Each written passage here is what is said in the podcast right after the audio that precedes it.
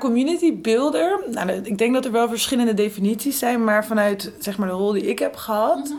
ben je vooral vanuit een informele rol. Dus ik ben zelf ook bewoner in die wijk waar ik dan community builder ben geweest. Eh, ga je samen met andere bewoners, dus medebewoners, eh, vanuit een soort gelijkwaardige rol of positie, ga je kijken van hey, hoe kunnen we er nou voor zorgen dat we sociale activiteiten in de buurt kunnen faciliteren en kunnen stimuleren. En het is elke keer een beetje afhankelijk van de vraag in de wijk. Dus wat voor bewoners er wonen. Bijvoorbeeld, ik woon nu in een community met heel veel statushouders. Maar Ja. toen woonde ik in een community met bijvoorbeeld gezinnen.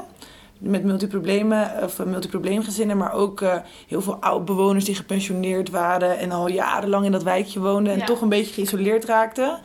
Eh, dus dan was bijvoorbeeld eenzaamheid een belangrijk thema. Mhm. En zo ga je eigenlijk een beetje naar de wijk kijken wat er dan nodig is. En ga je vanuit die informele rol eigenlijk samen met bewoners initiatieven opstarten. Eh, en je hebt een mediatorrol, dus je hebt ook een kort lijntje met de gemeente. Dus als Oh, bewoners ja. een goed idee hebben, dan ga je bijvoorbeeld ondersteunen met het aanvragen van subsidie voor zo'n goed idee. Ja. En zo ga je eigenlijk een beetje nou ja, kijken of onderzoeken wat er in die wijk nodig is. Ja. En eh, ondersteun je daarbij. Wel een belangrijk punt is, je neemt het niet over van bewoners.